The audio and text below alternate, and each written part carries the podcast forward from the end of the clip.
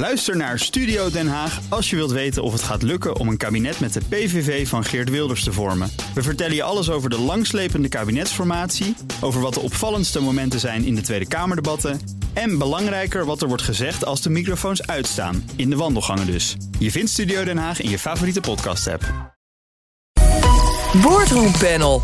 Het activistische Catrock Capital wil dat Just Eat Takeaway voor 31 december het net overgenomen Grubhub alweer verkoopt. En pensioenfonds ABP doet beleggingen in fossiele brandstof toch van de hand. Dat en meer bespreek ik in het Boardroom Panel met Paul Koster, governance specialist, onder andere oud-directeur van de VEB. En Leen Papo, hoogleraar corporate governance aan de Nijrode Business Universiteit, commissaris bij verschillende bedrijven. Heren, fijn dat jullie er zijn. Ja, dank. Veel activistische aandeelhouders op het menu. Laten we beginnen daar waar de menus ook een belangrijke rol spelen bij Just Eat Takeaway. Dat kreeg deze week een brief van de activistische belegger Catrock Capital. En daarin schreef het dat de overname van Grubhub dit jaar een grote fout was. En dat Just Eat Takeaway Grubhub zo snel mogelijk van de hand moet doen. Eventjes eh, om te inventariseren. Kennen jullie Catrock? Paul? Ja, vaag, maar niet, uh, niet in detail. Ik kan er niet nee. echt heel veel over zeggen. Jitse Groen kent ze al wat langer, want ze hebben al vaker zich kritisch ja. geuit over de ja. gang van zaken binnen Just Eat Takeaway. Uh, Leen, heb jij ervaring nee, met... ik ken dus ook niet, maar inmiddels wel. Dus, uh... Ja, dat, datzelfde geldt dus ook voor het management van Just Eat Takeaway, want ze hebben 6,5% in hun handen. En ze wijzen op de aandelenkoers, die stijgt niet meer zo hard sinds de overname van Grubhub vorig jaar. Paul, ja, dan heb je recht van spreken. Dan kun je dus met droge ogen beweren, het moet anders. Ja, ik denk dat uh, dat ook een, een, een, normale reactie lijkt, maar het is de verkeerde reactie. um, ik denk dat hier aan beide kanten fouten worden gemaakt.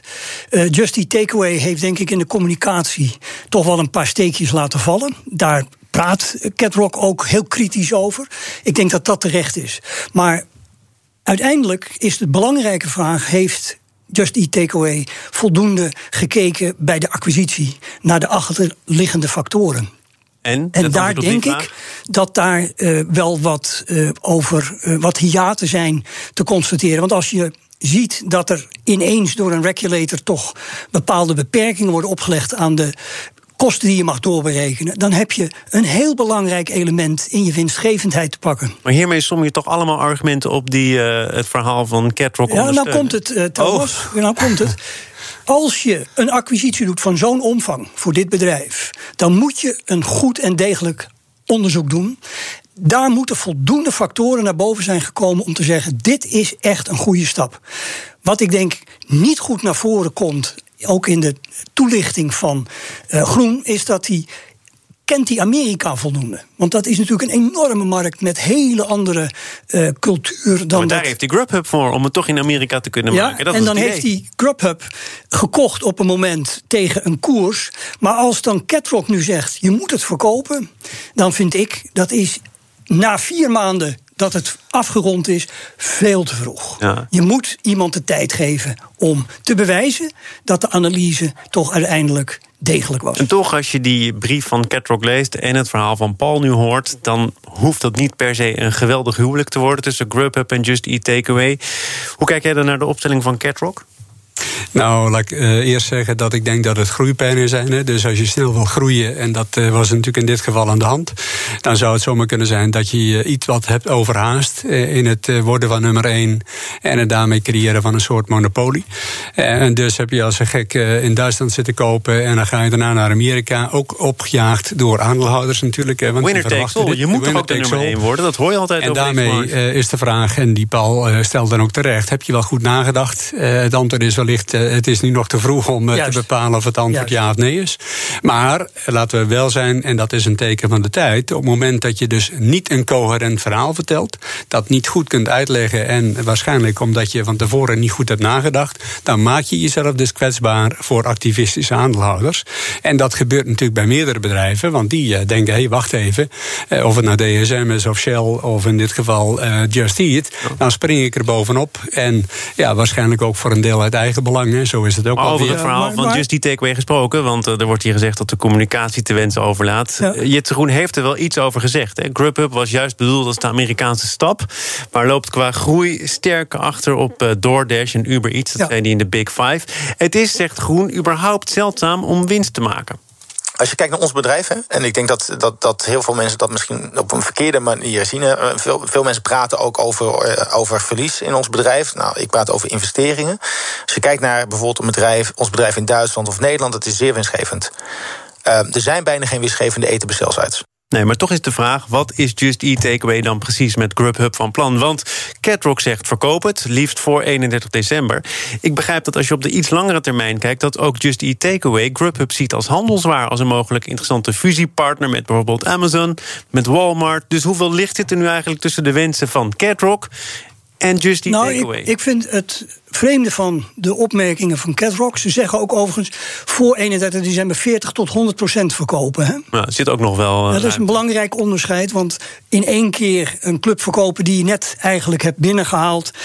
Want dat zou waarde vernietigen. Waardevernietiging ligt echt om de hoek. En ik vind dat hier naar voren moet komen dat in samenspraak met de Raad van Commissarissen Just Eat een heldere boodschap moet neerleggen. Wat ze van plan zijn, hoeveel tijd ze het geven. Ik heb eens nagekeken, acquisities afstoten is natuurlijk niet ongebruikelijk.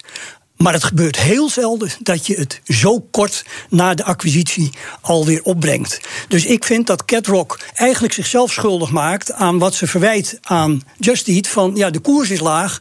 Maar het enige wat ze ermee bereiken is dat ze mogelijk afstand moeten gaan doen van Grubhub tegen een veel te lage prijs. En dan heb je eigenlijk de verliezen geactualiseerd. Want wat kun je nu, uh, Leen, als activistische aandeelhouder? Als je voldoende draagvlak weet te organiseren, dan breng je het in stemming en dan kijk je wel wat er gebeurt. Of zijn er nog andere opties? Nou, in dit geval uh, niet zoveel. je kunt proberen het op de agenda te zetten van de ANVA. Dat lukt in Nederland niet, hè, want dan zeggen we nee, daar gaat het bestuur over. En dat is geprobeerd bij AXO, Nobel en PPG. Ook niet gelukt. Uh, dus als activist kun je niet zo heel veel anders dan natuurlijk stemmen met de voeten en uiteindelijk weglopen of proberen vriendjes te worden met andere beleggers. Uh, maar dat is het dan. En de druk vergroten. Maar heel veel andere mogelijkheden dan dat zijn er niet. Ik las een, een, commentaar van Nico Inberg, van de aandeelhouder in de Volkskrant. Die zegt: In feite zegt Catrock: als Just Eat Takeaway niks doet, moet het management worden vervangen. Als het bij een aandeelhoudersvergadering aankomt op een stemming, dan kan de conclusie zijn dat Groen verantwoordelijk is voor een enorme waardevermindering. Het spel is op de wagen, Leen.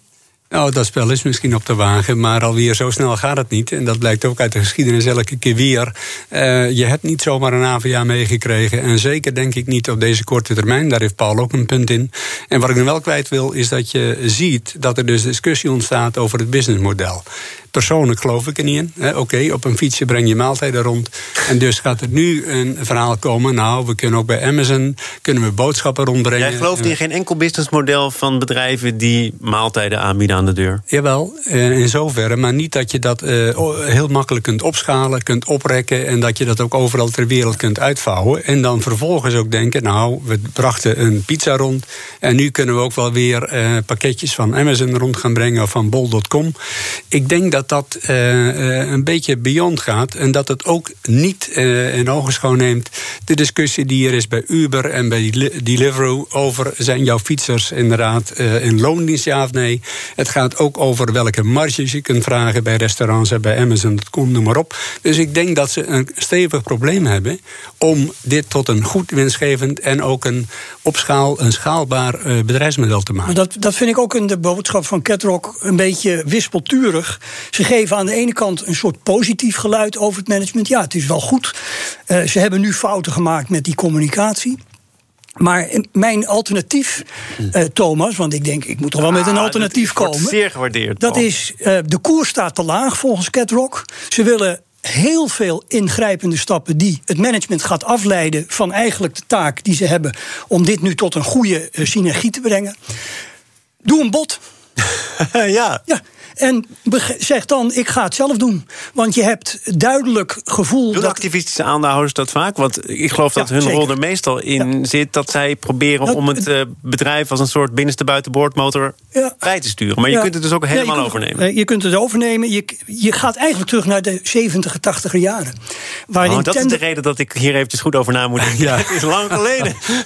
Het is lang geleden en er was een hele bekende Bruce Wasserstein. En die maakte dat eigenlijk tot eh, ja, een, een soort eh, kunde. Die eh, thans niet meer zo vaak gevolgd wordt. Maar mijn stelling is: als je put your money where your mouth is. Uh, we gaan het over uh, synergie hebben, ook in het volgende onderwerp. BNR Nieuwsradio. Zaken doen. Thomas van Zeil.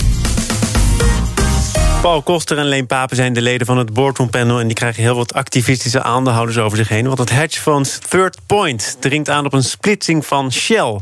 Een duurzame tak en een oude afdeling die zich volledig bezighoudt met fossiel. Miljardair Daniel Loop zegt dat Shell nu te veel mensen... met te veel verschillende belangen allemaal te vriend wil houden. Er is een warrige strategie, er is weinig synergie. Leen heeft hij een punt. Nou, ook hier uh, inderdaad heeft een punt op het moment dat het gaat over welke boodschap breng je, welke keuze uh, maak je en welke focus kies je. Um, het is natuurlijk weer uh, een beetje raar om te zeggen split Shell maar op, want ik dacht wat voor twee poten hebben we dan? Hè? Dus um, die andere poot, die nieuwe poot, andere energiebronnen, die is niet zo groot.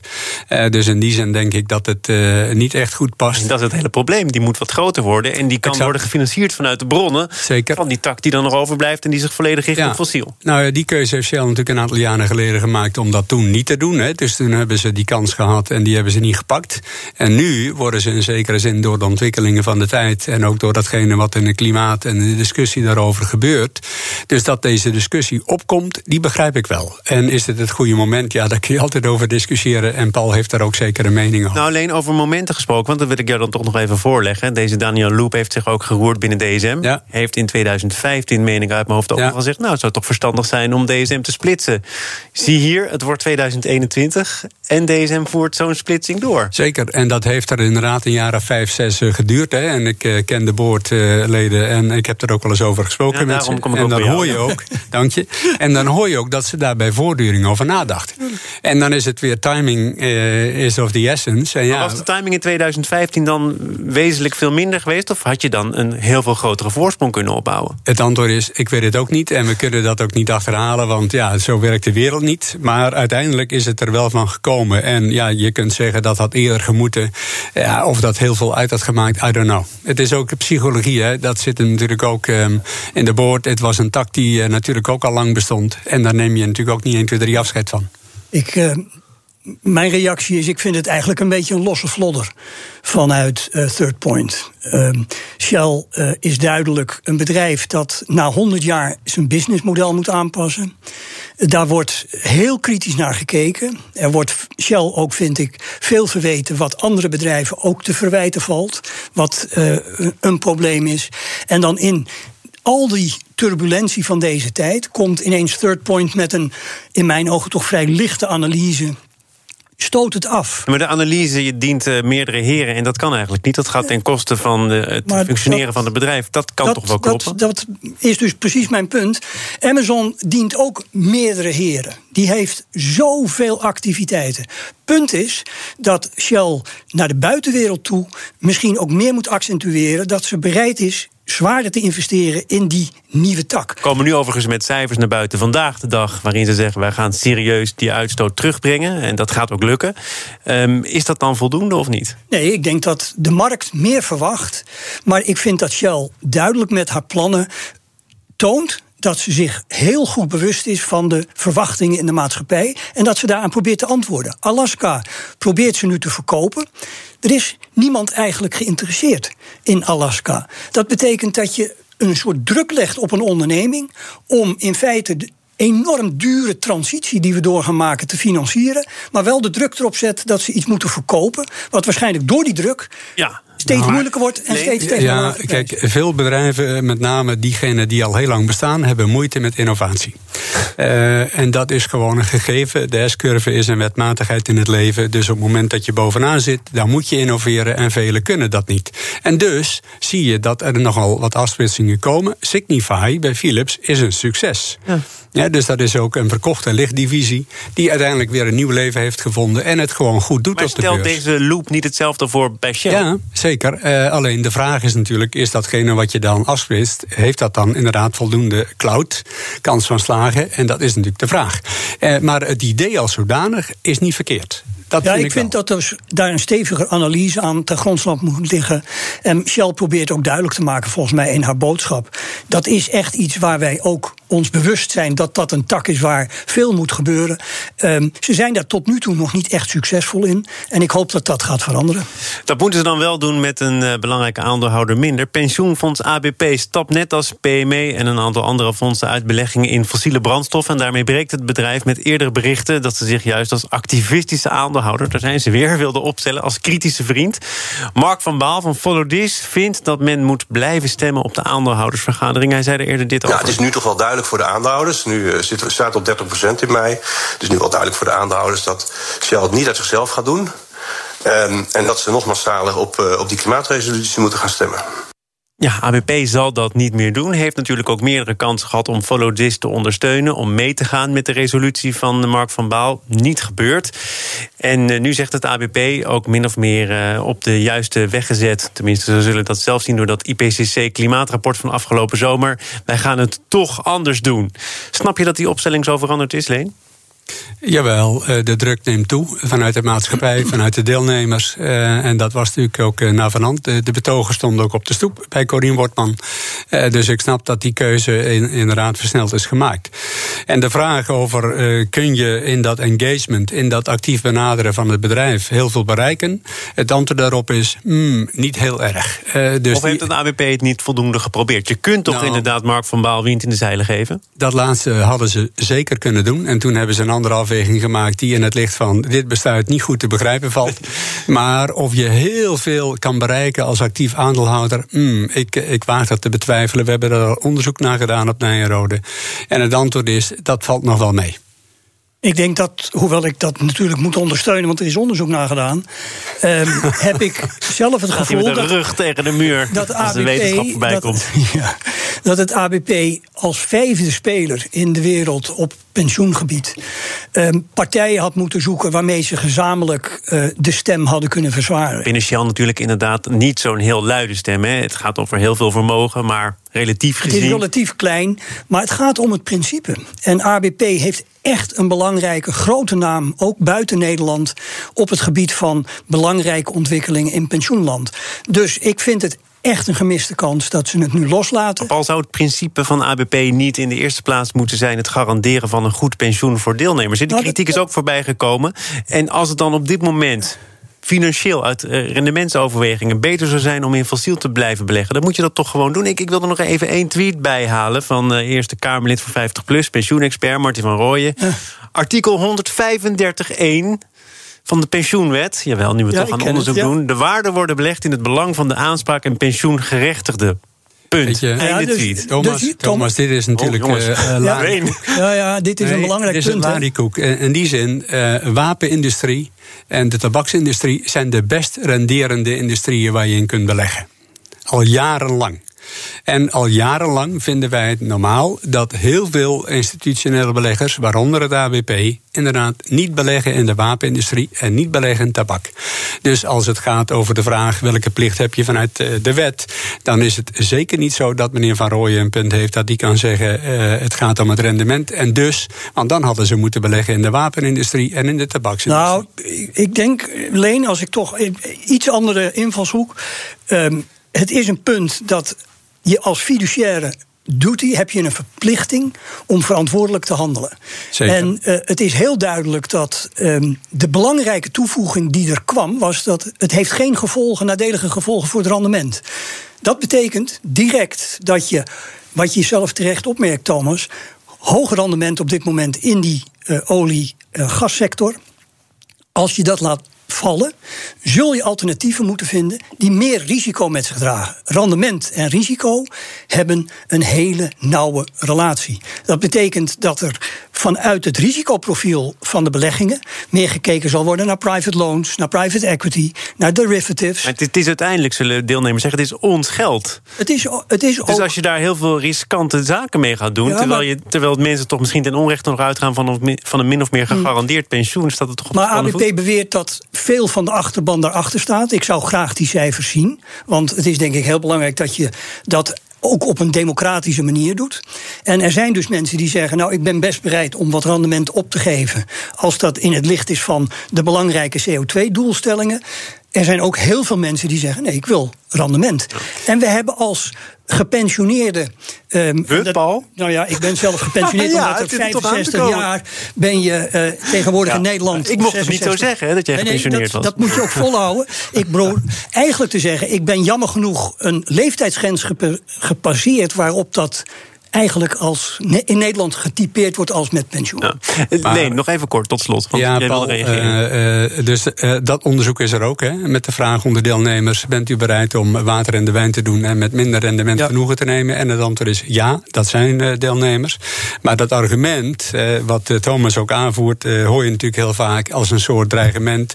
en, en daarmee een zekere verontschuldiging, alsof we dat niet zouden moeten doen. Zo'n nou, maar ik, ik heb wel een paar voorbeelden, ook uit Canada en Amerika als het echt een paar voorbeelden zijn, heb ik echt geen tijd meer voor. Sterker nog, het, zit, het zit er helaas gewoon al op, Paul. Okay. Het spijt me. Maar je komt nog een keer terug. Ook al ben je gepensioneerd, we zien je graag verschijnen. Nee, dan hoor je wel weer wat ik doe. Dan ben ik niet meer gepensioneerd. Paul Koster, governance specialist, oud-directeur van de VEB... en Leen Papo, hoogleraar corporate governance commissaris... bij verschillende bedrijven. Dank voor jullie bijdrage aan dit panel. Zometeen dan gaat het over digitale aanvallen en de beste verdediging...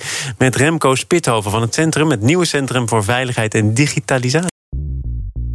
BNR ben je altijd als eerste op de hoogte van het laatste nieuws. Luister dagelijks live via internet. Bas van Werven. En heel langzaam komt de zon op rond dit tijdstip. Je krijgt inzicht in de dag die komt op BNR, het Binnenhof in Nederland en de rest van de wereld. De Ochtendspits. Voor de beste start van je werkdag. Blijf scherp en mis niets.